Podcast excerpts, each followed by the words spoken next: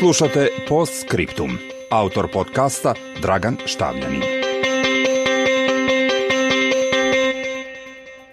Bez obzira šta neko misli o boljševizmu, neporecivo je da je Ruska revolucija jedan od najvećih događaja u ljudskoj istoriji, a vladavina boljševika fenomen od svetskog značaja, napisao je američki novinar John Reed, autor bestsellera Deset dana koji su potresli svet.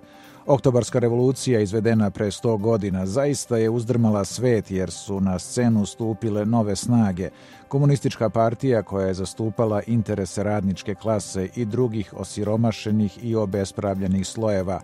U narednim decenijama bila je neka vrsta svetionika za potlačene mase širom sveta – Ona je označila početak surevnjivosti između dva sveta, liberalnog na zapadu i novog komunističkog na istoku, koja je kulminirala hladnim ratom.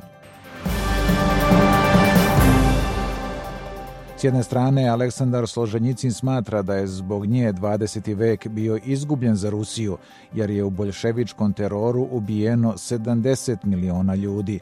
S druge, kako je navodno rekao Winston Churchill, Stalin je dobio ruke zemlju sa drvenim plugom, a ostavio je sa nuklearnim oružjem.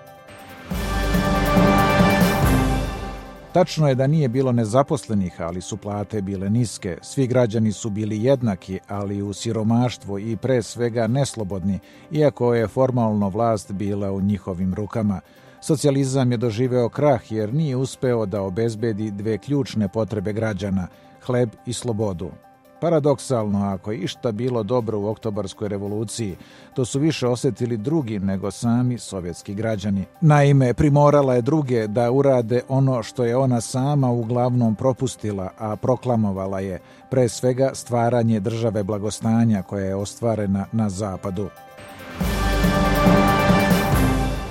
U Rusiji odavno nema pompeznih vojnih parada na dan revolucije, jer se Kremlj i tekako pribojava stvaranja pozitivne predstave o nasilnoj promeni režima. Međutim, u zemlji u kojoj sovjetska epoha i dalje znatno utiče na njenu kolektivnu svest, odnos prema prošlosti je protivrečan. Tako je cara Nikolaja II, koga su bolševici ubili, kanonizirala uticajna pravoslavna crkva. Istovremeno, lider bolševika Vladimir Iljić Lenjin, koji je naredio pogubljenje cara, i dalje počiva u mauzoleju na Crvenom trgu. Današnja Rusija je daleko od revolucionarnog stanja 1917.